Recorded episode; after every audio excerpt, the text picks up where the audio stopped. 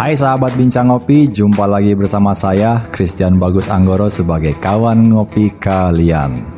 Nah, pada kesempatan edisi podcast kali ini saya dapat kehormatan diundang langsung sama sahabat bukan ngopi. Hari ini kita tuh ngeteh. Nah, sahabat ngeteh saya hari ini sambil kita sedikit berdiskusi, kita berbicara, kita ngobrol tentang uh, iklim dalam dunia UMKM ada, dalam dunia pengusaha pasti, dalam dunia visi di masa depan itu jauh lebih pasti lagi. Nah, dalam edisi kali ini kita akan ngobrol santai sambil ngeteh bersama sahabat ngeteh saya di hari Sabtu yang sangat spesial ini. Seorang pengusaha sangat kreatif juga sangat inovatif bersama sahabat ngeteh saya Pak Wijaya Salim.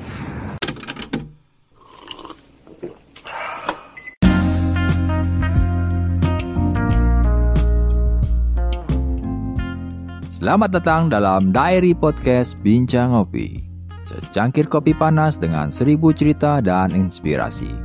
Bersama saya, Christian Bagus Anggoro. Stay tune dan selamat mendengarkan. Halo Pak. Halo, halo. Selamat sore, selamat sore. Sore, sehat ya? Sehat, sehat sih. Terima kasih untuk apa uh, diundang. Saya yang diundang Pak. saya saya hari ini akhirnya kita udah lama ya kita ngobrol-ngobrol. Akhirnya kita bisa duduk santai kali ini sambil ngeteh. Betul. Tumben kali ini saya nggak nggak salah ngomong ya. Saya ngeteh hari ini. Betul betul ya. Biasanya ngopi Pak. Ya, Terima kasih. Uh, ngeteh juga enak ya dibawa buat buat Iya, uh, betul, ngobrol. betul, betul. Dan uh, teh yang hari ini yang kita coba adalah teh dari Taiwan sih. Taiwan. uh, teh Taiwan. Ini dipanggil apa namanya Pak? Uh, Dinamakan teh apa? ulung. Teh ulung. ulung teh. Uh, dan memang ini apa uh, teh yang memang uh, sering apa ada di pergunungan-pergunungan di Iya. Taiwan sana Iya. uh, dengan dengan apa ketinggian ketinggian Hmm. tertentu sih. Dan mereka di sana juga memang uh, seperti kopi juga Wow. ada festival, ada juga cupping testnya juga Iya, iya. ya. Jadi mereka untuk apa uh, tester-testernya mereka Iya. akan tahu bahwa teh ini tumbuhnya di ketinggian seberapa, Iya. panennya uh, di saat bulan apa. Ini ajaib loh Pak. Heeh. Dari color seperti lemon ya. Iya. Tapi dari rasa sweet, ada sweetnya, Hmm. terus chamomile ya, Mhm, mhm. ya Ya.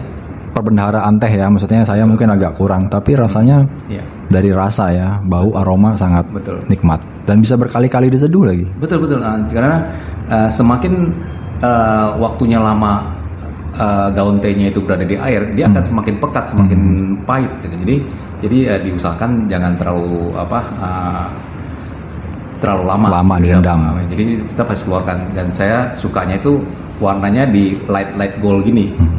Kalau kita kalau lama untuk dituangkan keluar dia akan lebih Iya. tua lagi kelihatan. Ini brown. kelihatan mewah ya. Ah, kelihatan light Kelihatan gold. mewah. Kita lagi menikmati seperti wine ya. Secangkir yang sangat nikmat. So guys, kali ini saya sedang ingin belajar banyak sama Pak Wijaya tentang prinsipil seorang pebisnis ya. Mungkin dari mana bermula dan bagaimana kita belajar bersama tentang informasi yang Pak Wijaya bagikan kepada saya dan teman-teman para pendengar tentunya. Mungkin bisa dibagikan cerita kisah Pak Wijaya ini kalau saya lihat kan pebisnis ya, pengusaha. Aku pengen belajar menjadi pengusaha loh Pak. Iya. Nanti ditularin Pak ya. boleh boleh boleh. Nah, boleh dong kita tahu Pak, awal kali pertama terjun ke dalam dunia usaha, bisnis apa mungkin dimulai dari dagang dulu, dari sejak usia berapa Pak? Uh, saya mulai di bidang ini semenjak uh, umur uh, sangat relatif sangat muda ya. Setelah Muda. saya apa uh, lulus dari sekolah di Malaysia, Hmm. saya kembali ke Jakarta dan saya ingat waktu itu di tahun 89 ya, 1989. Dan, 89. dan ini adalah pekerjaan yang uh, pertama kali dan tidak pernah ada ganti-ganti yang Ada lain. ganti Jadi memang Dari awal, fokus. Ya? Dari awal. Oke. Dari 89 sampai sekarang 2022. Ya. Artinya 30-an tahun. konsistennya luar biasa. ya, benar-benar. Memang ini uh, kebetulan juga di saat itu di Jakarta kan banyak sekali investor-investor dari Taiwan. Ya. Jadi mereka memang uh, sebelum pasar RC dibuka, Hmm. mereka banyak investasi di uh, istilahnya ASEAN Selatan sini, Iya. di Vietnam, Thailand dan di juga di apa di Indonesia. Dan kebetulan uh, saya menguasai bahasa beberapa bahasa, uh, jadi bisa berkomunikasi dengan mereka juga. Uh, jadi uh, dari situlah saya belajar untuk uh, uh, mengekspor produk-produk ke mancanegara. Wow, contohnya apa itu Pak kalau boleh Produk-produk uh, kerajinan handicraft Kerajinan tangan handicraft. sesuai dengan by request dengan tamu. Hmm, hmm, hmm. Tentu juga ya? kita juga mengcustom juga mendesain juga sesuai Iya. dengan istilahnya dari dari uh, permintaan tamu dan juga permintaan pasar. Jadi mungkin dari tamu memberikan satu ide, kita bisa mengembangkan menjadi 5 ide, 10 desain, 20 desain. Jadi kita harus mampu mengembangkan produk-produk menjadi lebih baik. Iya. Itu dari kalau seandainya kita by request nih Pak, 20 item tuh. Itu kan seandainya dia hanya pesan satu tuh. Ya. Sisa dari 19 itu kadang-kadang nggak kepake ya, tapi jadi portfolio juga dong Pak ya. Eh, iya, kita kan istilahnya kan kita ekspor. eh, kita kan bisa bilang kan kita ekspor ke luar negeri. Jadi pasar kita bukan cuma hanya di Indonesia aja. Iya. Pasar kita tuh ada di Amerika, Eropa, dan di berbagai dunia, Jepang, Australia, Kanada dan sebagainya. Wow. Jadi memang eh, apa yang kita desain eh, selama negara itu belum pernah beli produk itu adalah baru buat mereka buat Iya, pasar itu. iya. Dan itu kesempatan besar Pak ya. Kesempatan besar dan juga kebetulan di Indonesia di saat itu uh, agak kuat di di di, di handicraftnya Mhm. dan juga uh, desain-desain uh, spesialis uh, taste Iya. Indonesianya Iya, rasa Tes- dari Indonesia rasa ya. Indonesia tes Ciri khas. istilahnya apa uh, ya sebenarnya Indonesia tidak tidak jauh berbeda dengan Filipina dengan dengan dengan Vietnam jadi Mhm. kita lebih ke kulturnya lebih ke nature Mhm, uh, handmade mhm. Dan lebih uh, earthy down to earth earthy ya iya. menggunakan bahan-bahan yang memang uh, Dari alam, alami uh, alamiah, ya. uh, jadi kita berusaha di saat itu uh, uh, kita juga sering pameran waktu itu pameran di Hong Kong sambil pameran di Hong Kong kita juga ada pameran di Taipei waktu itu ya Iya. Taipei waktu dan juga uh, setelah kita pameran di sana kita juga sempatkan untuk melihat booth-booth pameran di RRC juga Iya. jadi kita berusaha untuk melihat apa produk-produk yang kita bisa apa pelajari Kembangkan ya. apa yang kita bisa pelajari dari harga mereka Ya. apa yang kita harus hindari juga Iya, iya. jadi kalau kita face to face bersaing dengan mereka itu kita ag- agak kesulitan karena mereka di sana tuh apa eh, dengan produksi yang massal yang lebih cepat costnya lebih murah Iya. jadi ya kita berusaha untuk mengembangkan produk desain yang memang kekuatan dari negara, Dari negara kita tersebut sendiri. juga. jadi mempunyai daya saing yang lebih bagus sih. Ya, Pak Wijaya, kalau bisa dilihat nih, kan artinya sebagai pengusaha ya, betul lah. ada nggak sih mina apa namanya jalan-jalan yang memang sudah disiapkan pemerintah untuk Hmm. menyambut para pengusaha-pengusaha muda? Ya kan sekarang kan banyak pertumbuh nih kita nih Betul, para betul. pengusaha muda. betul lah. Ada nggak sih memang jaringan yang memang akan membuka khusus kamar dagang untuk ke luar negeri gitu? Seperti kan Pak Wijaya kan sudah pameran di Hong Kong, pameran di Taiwan. Hmm. Mungkin melihat kompetisi dari dalam negeri sendiri, Hmm. ada nggak sih ketemu hal serupa mungkin yang dari dukungan dari pemerintah tuh ada lebih ada memungkinkan gitu daripada kita swasta. Oke, dari pengalaman saya selama 20-an tahun pameran di di di, di uh, Hong Kong dan di RC dan di Taipei, memang di saat itu uh, posisi Hong Kong adalah di tengah-tengah Ya. uh, global dunia ini kan. Mhm. Jadi memang pengalaman untuk berpameran di sana itu sudah sangat berpengalaman Ya. dan juga ini memang uh, dibawa dari pengalaman dari pembisnis-bisnis dari Taiwan, dari Hong Kong itu mereka sudah terbiasa sudah punya uh, jalur untuk untuk pameran di musim-musim tertentu untuk uh, untuk bayar-bayar tertentu di seluruh dunia. Ya. Mereka sudah punya kalendernya itu. Ya. Jadi di mana mereka sudah tahu di mana harus uh, mencari buyer. Buyer kan banyak Iya. bedanya. Ada buyer yang memang importer, yang bes- pemain besar. Ada buyer yang wholesaler. Ada Hmm. yang buyer yang store, seperti kayak Esak, Matahari dan sebagainya. Iya. juga. Ada buyer yang retail. Jadi beda-beda. Iya, iya. Jadi tergantung kita mau memancing di kolam yang mana. Iya. Nah, dari pengalaman saya waktu di saat itu memang ada ya, karena pameran itu kan bukan cuma hanya dari eh, negara satu negara aja, banyak negara. Ada juga boots yang dari Indonesia, Khusus ya. khusus Indonesia, ada juga dari Vietnam, ada India.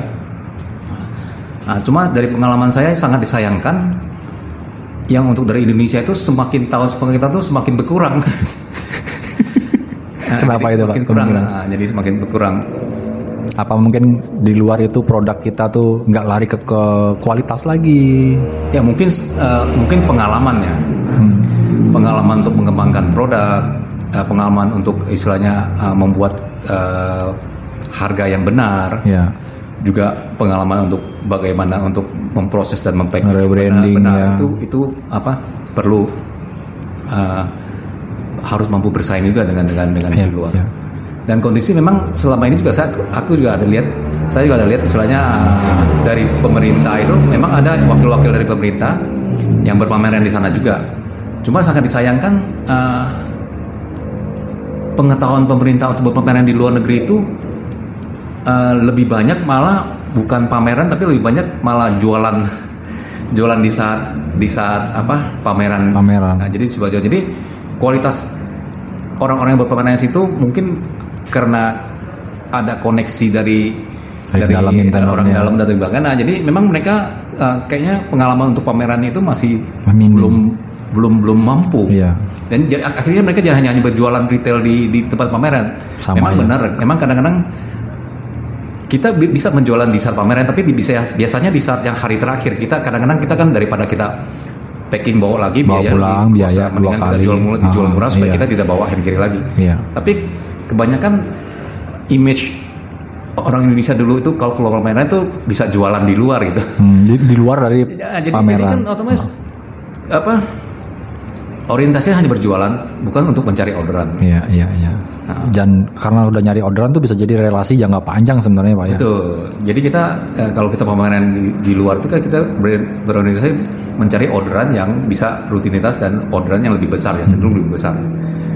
Jadi kita memproduksi massal yang lebih besar. Jadi Iya. harus eh, istilahnya supaya kita bisa berjalan di situ kita harus ada volumenya sih, harus ada jumlah orderan. Iya, dan itu harus punya target ya. Benar, benar. Harus ya, target ya. Jadi, Target. Buyer itu kan juga banyak banyak jenisnya. Ada yang ada jen- ada yang berbeda-beda, ada yang baik dan kurang baik. Hmm. Iya, iya, Jadi kita iya. harus mampu memilih sih.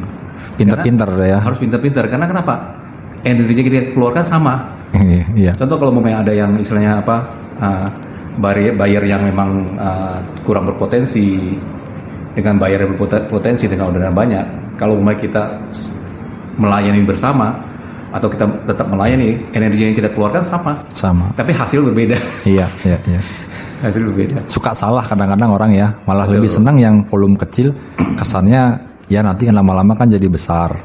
Tapi energinya Tergantung juga produk waste. sih, tergantung produk. tergantung Ada yang produk. produk yang memang ya bisa volume kecil. Iya, iya. Biasanya kalau produknya memang harganya tinggi nggak masalah. Tapi kalau produknya murah, kalau volume kecil kan energi yang kita keluarkan Iya. sama, Sama. sehari. Itu kan. Iya. Nah, Jadi kita harus lihat jangan eh, pilih produk itu penting sekali sih Iya, untuk bisnis. Jangan salah pilih produk. Iya, iya. Untuk menentukan itu gimana? Mungkin para pendengar ini kan, aku punya pendengar nih beberapa memang Betul. suka berwirausaha. Kadang mereka suka menentukan harga, terus dikemas, barang sudah bagus, mencoba peruntungan mungkin pameran dari Bali ke Jakarta atau dari Jakarta ke daerah lainnya. Kadang selalu ada masalah di tengah-tengah. Mungkin entah dari manajemen, entah dari ah, bagaimana cara mengelola keuangan ke depannya. Mungkin keberuntungan itu kan nggak mungkin datang terus-terusan pak ya. Kadang masa kemasan usaha pertama, kedua, ketiga. Nah, ketika bapak menemukan itu tuh di saat usaha sudah berjalan berapa lama pak? Masa keemasan ketika bangkit terus masuk dalam fase-fase memanajemenkan usaha yang itu, Itu supaya perlu waktu, konsisten. perlu Perlu proses waktu ya perlu proses. waktu proses sih. Biasanya siklusnya per lima tahun sih. Per lima tahun. lima tahun 10 tahun jadi ya secara bisnis itu apa selama ini kan uh, memang bisnis itu semua orang merasa itu sangat mudah ya masuk untuk masuk mah mudah benar. tapi yang bisa survey survive itu ha- ha- dihitung hanya cuma hanya dua persen tiga persen Iya, betul, betul.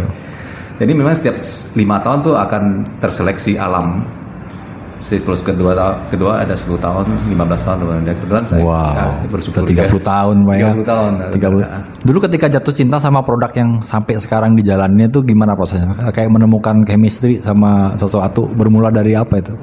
Sebenarnya yang yang saya jalankan itulah eh, menjual produk-produk eh, kesenian kan. Hmm. Awalnya Jadi ya. awalnya, jadi ya seperti bilang itu seperti bilang itu art dealer lah. Mhm, art dealer, ya.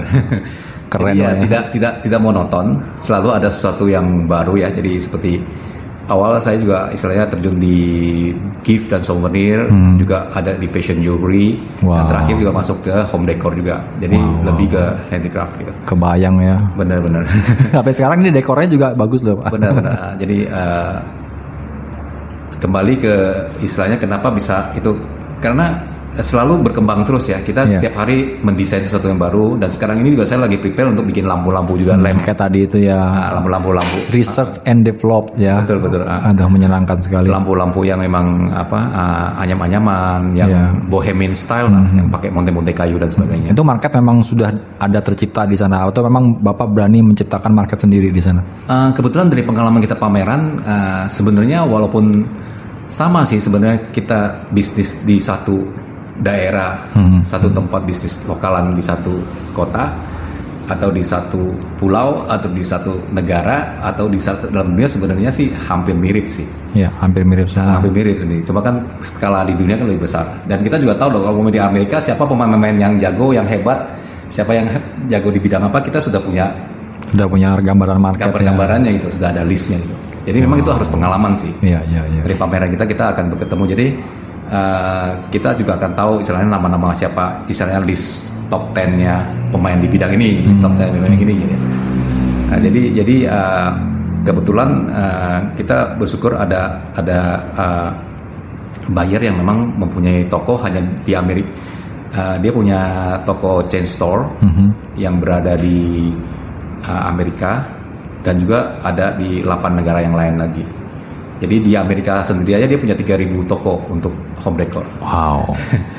Kebayang kan kalau Iya. bisa come in di dalam satu jaringan Benar. yang 3000 Dia- toko. Dia kalau mengorder satu produk, dia cuma hanya taruh di toko cuma satu atau dua pieces saja. Tapi dikalikan begitu banyak toko. Dikali. di Amerika, Iya. Inggris, Kanada dan juga ada juga. Wih, nikmatnya. Ah, jadi jadi kebetulan juga ya saya bersyukur juga kebetulan waktu kemarin pandemi kebetulan perusahaan itu memang kan dia sudah sudah sudah IPO ya sudah Iya, ada iya. IPO ya kebetulan dia juga salah satu pendukung Donald Trump juga Wow. jadi jadi eh, kebijakan-kebijakan dari negara itu Iya, memberikan eh, support dukungan uang dari negara itu Dari negara dapat untuk- istilahnya dukungan dari dari Presiden Donald Trump Dari untuk pebisnis ya. ya untuk bisnisnya karena mungkin dia ya mendukung kampanye-kampanye kan Iya, iya betul, berputar circle-nya. Ya betul, jadi dia salah satu perusahaan yang memang mendapat bantuan dari negara Amerika untuk belanja sih. Dan situasi di saat itu juga kan karena waktu awal pandemi kan juga produksi di RRC kan terhenti karena pandemi kan.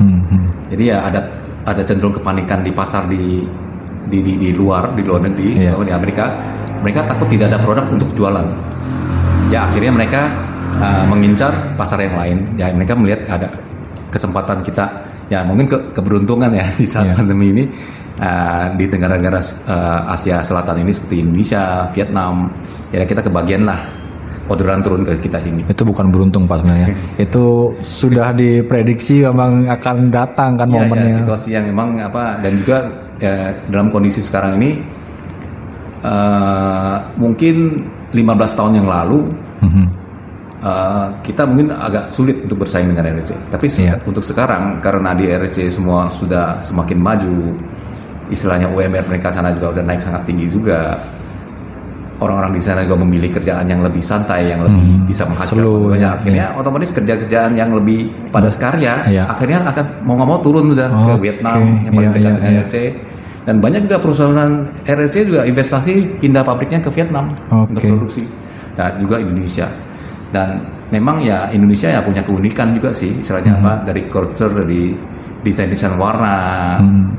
Istilahnya produk-produk yang memang istilahnya eh, ASEAN itu memang ada keunikan sih seperti kayak India, Vietnam, Filipina. Ya memang disukain sama pasar di Pasar luar negeri juga karena negeri. keunikan itu. Jadi belum tentu di RRC mampu bikin produk itu dengan taste Yang yang sama. sama Iya, karena culture lagi kan Culture kembali. beda. Iya. Terutama produk-produk yang bersangkutan yang dengan uh, pantai. Ya, apalagi kita ngomong tenunan, kan ada tenunan, betul, ada betul. produk etnis dari mana, kan itu sangat beragam banyak Ya. sekali. Bisa Eksplornya, di- bisa dikembangkan, bisa di matching iya, mengeksplornya. Berarti setelah jalan-jalan juga pak ya? Benar kalau Untuk dulu ya. Masih sering jalan-jalan ke ke Yogyakarta, juga sering lihat pameran ke kadang-kadang sempat kan waktu lihat pameran di Tha- Thailand juga, Hmm. juga pergi ke Filipina juga. Jadi ya sering harus harus banyak melihat juga sih sebenarnya Ya, untuk, melihat- nge-research ya. untuk melihat eh, biar anda masukkan ide-ide juga. Iya, iya. Nah, kalau dilihat dua tahun itu pandemi ini, Pak. Hmm. Mungkin ada kiat apa yang menjaga supaya pebisnis dan pengusaha itu mungkin untuk saya ya dan para pendengar uh, teman-teman yang memulai usaha kecil-kecilan yang baru 3 sampai 5 tahun, Pak. Menjaga konsisten dan menjaga pikiran bisa positif itu mungkin ada pola strategi tertentu dari Pak Wijaya yang bisa dibagikan sama kita. Hmm, Positif mindnya artinya kita harus seperti apa sih ketika masa-masa kritis itu kan Bapak malah bisa lebih meroket lagi karena ada orderan yang masuk. ah, betul. Itu kan bukan by accident ya, bukan bukan keberuntungan itu sudah di di saat Ciptakan. timing lah di timing eh, timing yang pas kebetulan kita juga sudah siap sudah prepare selama ini sudah sudah sudah mampu menangkap peluang itu ya. Ya.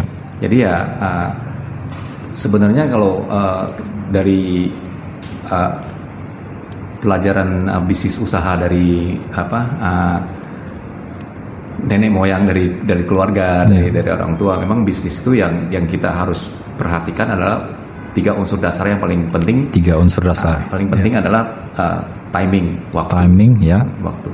Jadi uh, timing waktu juga sangat luas sekali bisa dibahas satu persatu. Terus kedua juga istilahnya lokasi. Lokasi, Nah, loka- ya. location. Lokasi juga uh, di, di, di, di, di tempat di mana yang kita berlokasi. Bukan Iya. cuma hanya alamat aja. Jadi Iya, lokasi ah, ah, benar. posisi ya termasuk.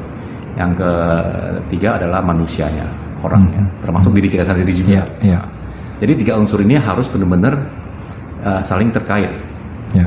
Hmm, jadi jadi uh, tentu istilahnya kalau uh, bicara di, di di waktu di timing ya kita harus ya tepat waktu Betul. melakukan suatu di timing yang yang yang tepat. Ya. Contohnya seperti kita berlayar lah, kita berlayar kita juga harus lihat angin juga kan. Ya, ya. Kapan kita harus naikkan uh, apa uh, layarnya, Setuju harus itu. ke arah mana itu Ya. itu semua harus kita hitungkan pertimingnya. Perhitungkan semua bisa- kalkulasi. kapan kita harus melakukan tindakan apa itu kita harus mampu mengetahui siklusnya. Siklus Ya. timing itu penting sekali. Waduh. Luar biasa ya. Dan siklus timing itu harus perlu waktu untuk dibangun sih. Kayak membangun sistem baru kita harus tahu oh, uh, bulan demi bulan satu tahun. Jadi setelah terbangun siklus itu kita bisa melihat apa yang kita harus persiapkan timingnya. Iya, jadi melek lagi nih saya nih. Betul. Langsung kayak dapat tamparan ini saya nih, Pak. Ah, ah. Betul, tiga karakter basic untuk dimiliki personal sebagai kita yang suka dalam dunia Betul. wirausaha, entrepreneur ya. Luar biasa, Pak. Lalu kalau diceritain nih dari belakang nih, Hmm. berdagang pertama kali di usia berapa, Pak? Berdagang, ya, belajar saya belajar mulai dari ya ya s- s- 18 tahun 9 tahun sudah Udah terjun ya. langsung. Udah terjun langsung belajar. Itu langsung di usaha yang ini bukan? Benar udah dari usaha ini. Dari kecil nggak pernah coba dagang, maksudnya dari SD. Oh dari kecil eh, dulu ya ada istilahnya apa? Nah, coba-coba istilahnya apa? Eh, ada istilahnya jualan-jualan buku-buku, Wah, memang sudah mainan-mainan yang tidak terpakai gitu loh. Wah, itu jadi battlefield itu sudah dari dari dari kecil betul, betul. ya. Dulu juga eh, sering bantu apa eh, keluarga. Kebetulan saya kan istilahnya sekolah di Malaysia juga kebetulan eh, eh, ada belajar dengan paman juga. Kebetulan paman juga dia eh, eh, namanya orang zaman dulu itu mereka suka eh, ini sebuah contohnya kurang bagus juga ya. Istilahnya eh, saya memberikan gambaran seperti paman saya yang saya Ya, ya, pelajari. ya.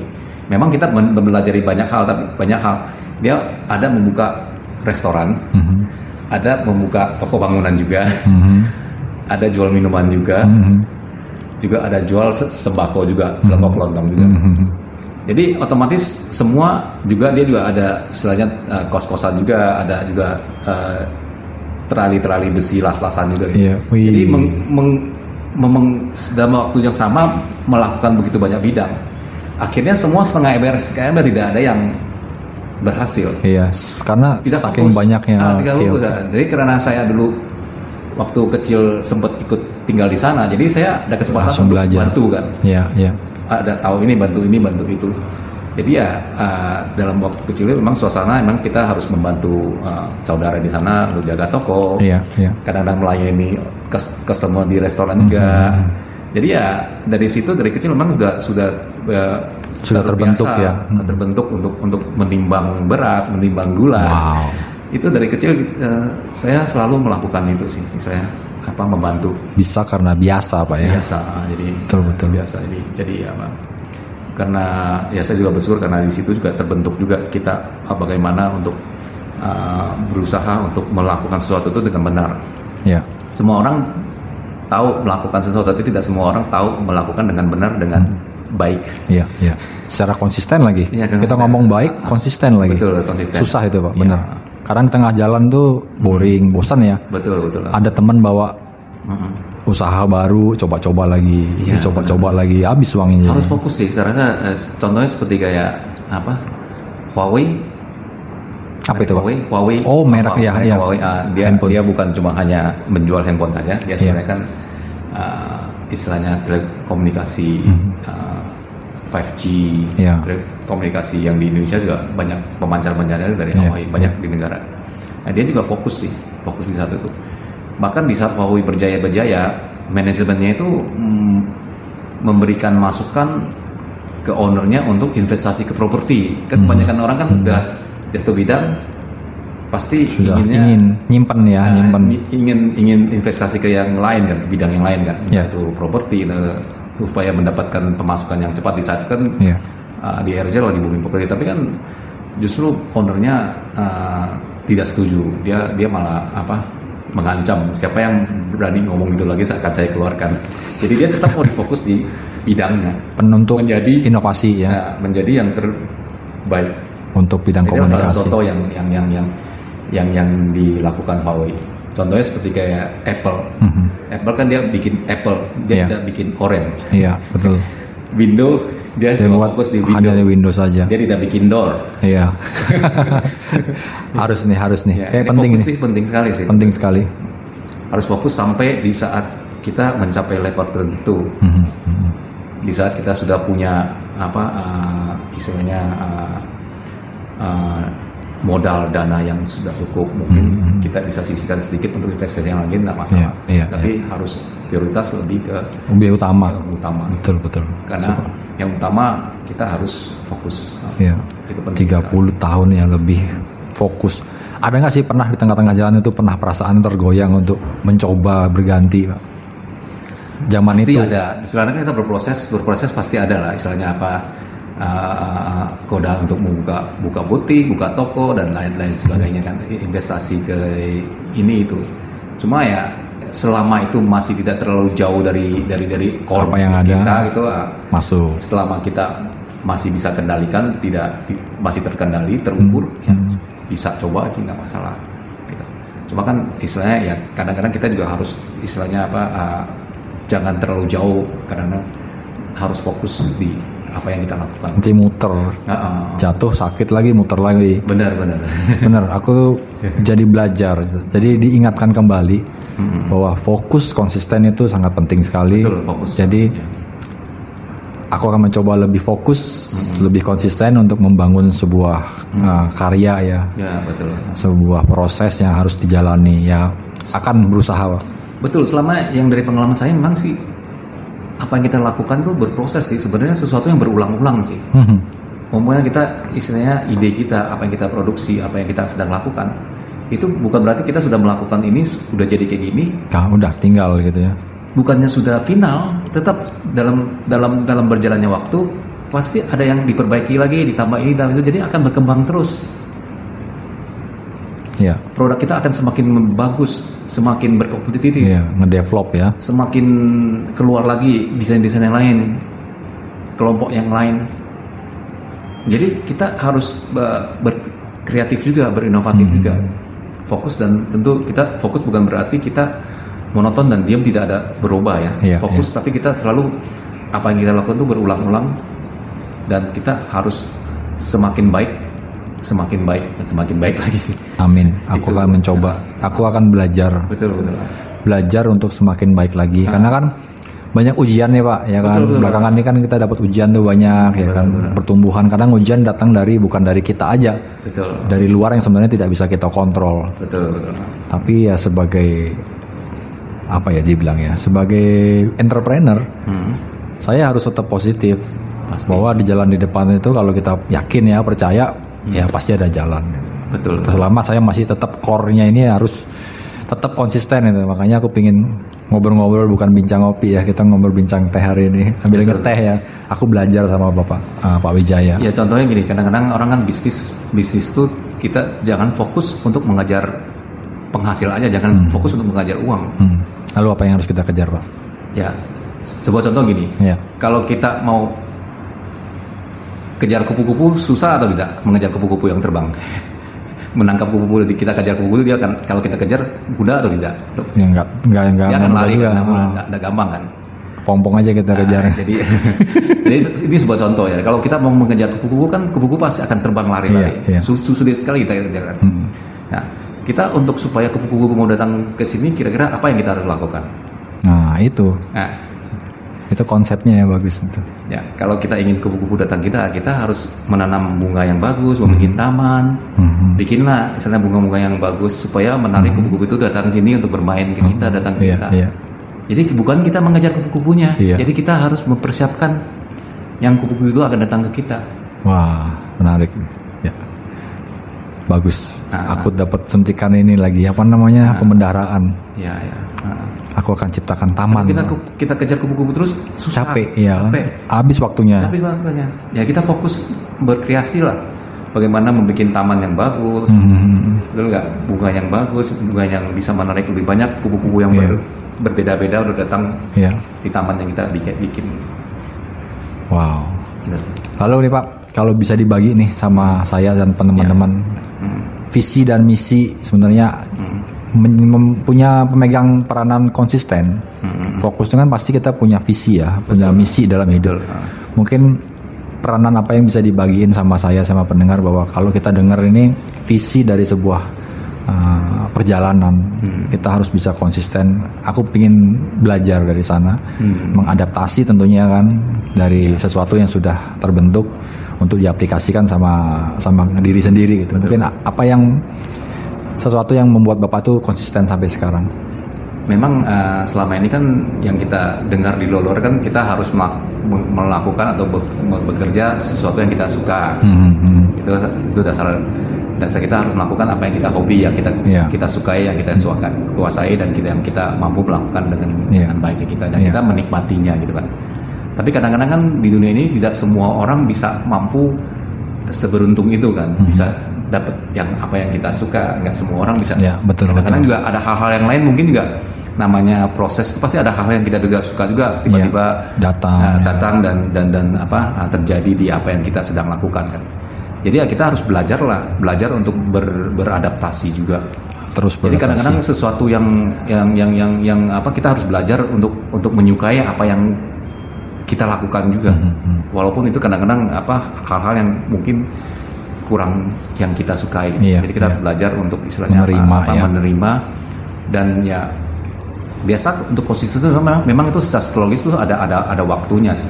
ya Contohnya kalau kita supaya apa? Saya kan sebagai seorang cyclist juga untuk untuk Iya. latihan Heeh. bersepeda juga ya. ya Jadi memang uh, rutin. Jadi uh, kebetulan setel- selama pandemi kan lebih banyak di rumah tidak ke mana-mana. Iya. Jadi kondisi pandemi itu membuat saya latihan tiap hari di rumah. Jadi seminggu bisa latihan kadang-kadang bisa sampai tujuh kali untuk latihan indoor. gitu. ya Jadi ya saya pernah baca sesuatu yang kita lakukan berulang-ulang tiap hari Hmm. selama satu bulan itu akan menjadi sebuah kebiasaan sih. Iya. jadi rutinitas sih jadi Iya. seperti kayak udah kayak kebiasaan kita harus pagi harus sikat gigi autopilot ya jadi autopilot gitu jadi kalau kita jadi apa jadi kebiasaan gitu ya jadi lah kita harus bangun itu sih. Istilahnya kebiasaan itu rutinitas itu menjadi sebuah yang kita tanpa kita apa uh, bisa melakukan Iya. dengan sendirinya. Jadi kita bisa harus melawan kadang-kadang di saat saya latihan kadang-kadang ada malas kan oh capek Hmm, pengen jadi jadi kadang-kadang tubuh kita bisa melawan untuk istilahnya kemalasan kita.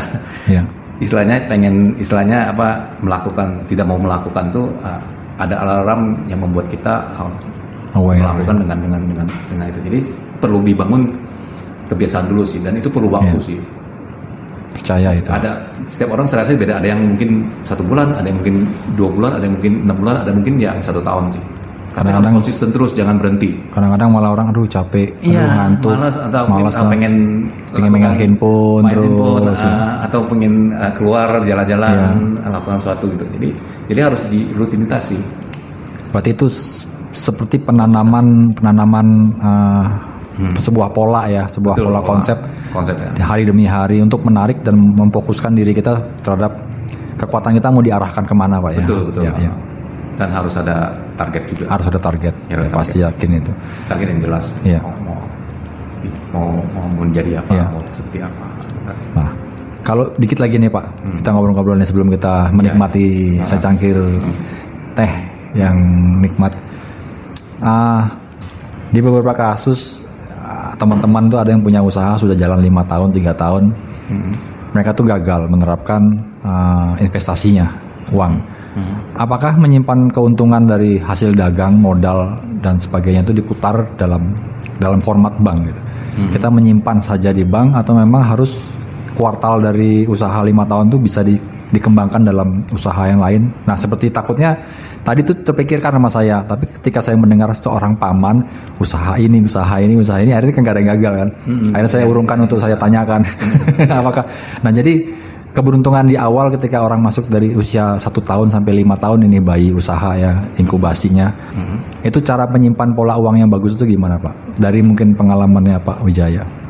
Kita simpan di bank kah atau kita belanjakan menjadi aset atau menjadi sesuatu? Sebenarnya sebenarnya apa uh, tergantung kondisi dan situasi usahanya juga. Hmm, Tapi ya kalau di uh, orang yang dagang pasti tidak ingin uangnya disimpan di bank.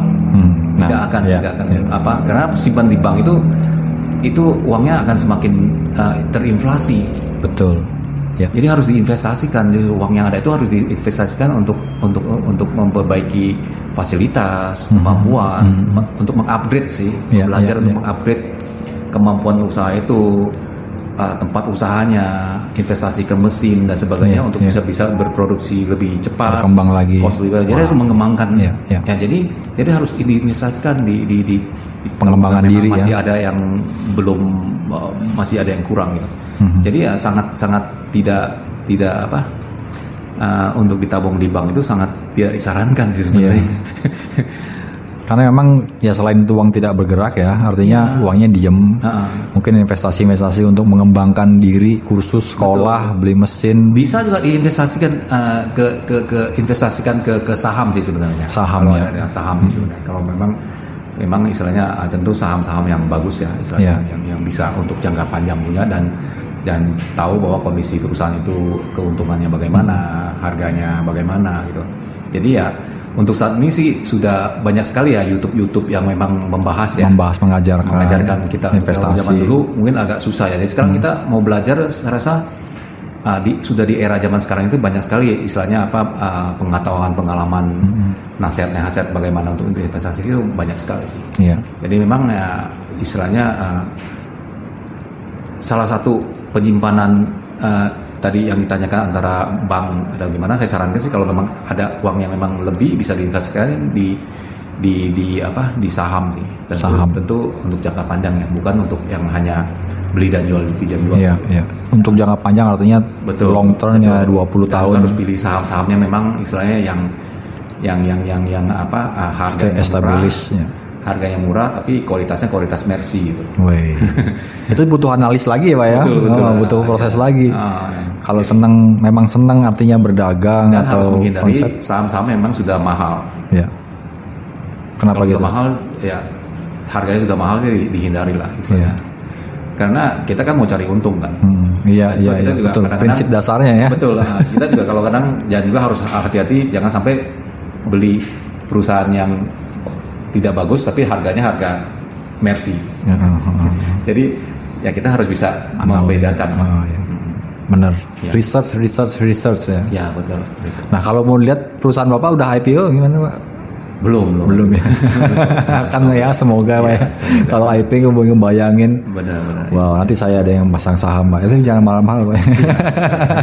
Langsung belajar sama yang punya perusahaan, sama CEO-nya. Hmm, betul. Pak, terima kasih. Mungkin karena tadi kita sudah banyak berbicara yang menarik ya sebelum kita podcastan. Ada banyak bahasan yang membuat saya tuh lebih terbuka lagi. Kita bicarakan negara ya, politik dan suhu-suhu suhu-suhu panas ya. Tapi ini kebetulan tehnya sudah mulai dingin, Pak. Ya, Mari kita cheers dulu Pak kalau boleh, Pak. Iya. Terima kasih banyak, Pak. selamat. Pak Wijaya, terima kasih. Mungkin sebelum saya akhiri perbincangan ini, mungkin Pak Wijaya mungkin ada pesan buat teman-teman eh, anak-anak yang mungkin baru mau berani belajar terjun ke dunia perdagangan, mungkin dari berbisnis apa yang di sekitar dia, supaya berani gitu Pak. Maksudnya jangan ragu-ragu atau setengah-setengah. Mungkin Ya, ada sesuatu yang bisa di eh, pesan yang ditinggalkan buat saya juga buat teman-teman yang baru mau memulai Pak. Uh, ya, terima kasih. Uh, saya rasa sih uh, ya kita bahas uh, kembali lagi ke timing juga kan, karena kan dalam masa manusia kan sebenarnya kan tidak panjang kan, Ya. tidak sangat pendek sekali. Mungkin 20 tahun pertama kita berada di sekolah kan, Ya, dari SD, SMP, SMA dan kuliah gitu. Mas- Masa-masa kita untuk belajar. ya, Nah itu untuk 20 tahun pertama. Nah 20 tahun keduanya lagi sampai eh, apa sampai 40 tahun itu adalah masa-masalah kita untuk eh, membangun fondasi. Jadi Iya. Jangan takut untuk melakukan kesalahan. Lakukanlah, coba- cobalah, risetlah, try dan error, Hmm. belajar dari situ. ya, Ya, jadi 20 tahun ini ya kita harus benar-benar apa uh, fokus untuk istilahnya apa belajar untuk mem- membangun uh, usaha-usaha harus uh, menentukan target yang jelas tujuannya di mana dan dan apa. Jadi dari 20 tahun pertama, 20 tahun kedua ini kita sudah 40 tahun. iya betul Pak. Sisanya 20 tahun lagi kita sampai ke 60 tahun itu udah saatnya kita untuk memanen sih sebenarnya. Iya. Sudah terbentuk, sudah itu ya bagaimana tuh untuk memanennya menjadi lebih bagus. Uh, sudah mulai kita bisa menikmati. Ya, seperti saat membuat- juga kita juga sudah berkeluarga kan sudah harus istilahnya apa? Fokus dengan apa? Iya, keluarga dengan juga. keluarga. Iya. Juga ada orang tua juga. Jadi kan nah, jadi ya kita harus tahu dulu. Kita harus benar-benar menyadari eh, jangan merasa kita waktunya itu seperti tidak ada batas. Iya, iya. Kita harus tahu kapan kita harus ber- berusaha untuk istilahnya apa melakukan apa yang kita harus lakukan di saat-saat tertentu. Iya, iya. Karena nggak bisa diulang lagi waktu ya, Nah, nggak bisa jadi diulang. suka dan suka setelah berjalan itu akan mencari terus, akan berkurang terus gitu. Iya. Jadi Terima ya kasih. kita harus melakukan istilahnya apa ah, jangka apa perencanaan jangka pendek, perencanaan jangka menengah, panjang, dan ya. perencanaan jangka panjangnya apa? tiga ya tetap ya angka Iya. tiga itu tetap berpotensi pak ya. Betul betul saling sih. Ya. Jadi tiga konsep itu selalu saling mendukung yang menunjang tengah. Ya itu saya percaya konsep itu angka tiga itu akan menjadi enam atau menjadi sembilan ya kan dan kelipatan kelipatannya menjadi keberuntungan dimulai dari tiga fondasi Betul betul. seperti yang Pak Wijaya tadi sebutkan kan tiga karakter basic dari Ya, basic. perdagangan paling dasar paling dasar. Terima kasih sebenarnya banyak sekali yang mungkin akan kita ceritakan. Betul. Cuma karena nanti akan dipisah di waktu yang lebih santai lagi, Pak Betul, Wijaya mungkin pada saat lagi nggak ada nggak ada kesibukan, Boleh. kita mungkin akan lebih terarah membahas tentang buy economic, Hmm. terus buy uh, saham atau mungkin lain-lainnya buat ilmu pengetahuan teman-teman di podcast Bincang Ngopi juga atau story-story yang akan kita buat lainnya. Hmm. Terima kasih. Sudah saya diundang kemari diberi teh yang sangat nikmat nih. Iya, sekali-sekali Terima kasih. coba minum teh ya. Iya. Ini saya suka minum teh, tapi belum pernah minum teh yang seperti ini gitu. Jadi disajikan seperti kita buat kopi ya. Kalau kita kan manual brewing ya, espresso. Ini cukup menarik buat saya, simple. Tapi dia punya karakter yang sangat berasa. Iya. seperti obrolan kita tadi. Ah, Terima kasih Pak Wijaya atas waktunya. Sudah datang hadir menjadi teman Ya. teh ya. Bukan biasanya saya sebutnya teman ngopi ya di bincang ngopi. Tapi teman ngeteh saya hari ini. Ya, terima kasih banyak. Terima kasih. So teman-teman buat kalian tetap percaya pada mimpi besar kalian tetap wujudkan dan amini apa pun yang kalian ingin wujudkan. Don't worry terus happy karena saya percaya ketika kalian bahagia mewujudkan apa yang ingin kalian wujudkan energi akan datang energi akan membuat sesuatu yang kalian tidak percaya supaya kalian percaya bahwa kalian bisa melakukan sesuatu yang kalian mau. So always try try try try never try never know coba coba coba coba buat momennya momentum akan datang begitulah yang bisa disampaikan sama Pak Wijaya Salim barusan untuk kita semua supaya kita semua percaya kita semua bisa berdiri dalam suatu suara vibrasi yang sama. So, saya Christian Bagus Anggoro pamit undur diri. Jumpa lagi pada edisi podcast berikutnya. Selalu dan akan terus menginspirasi teman-teman dengan secangkir kopi panas dengan seribu cerita dan inspirasi. Saya host kalian bersama Wijaya Salim. Terima kasih, see you dan sampai jumpa. Sampai jumpa.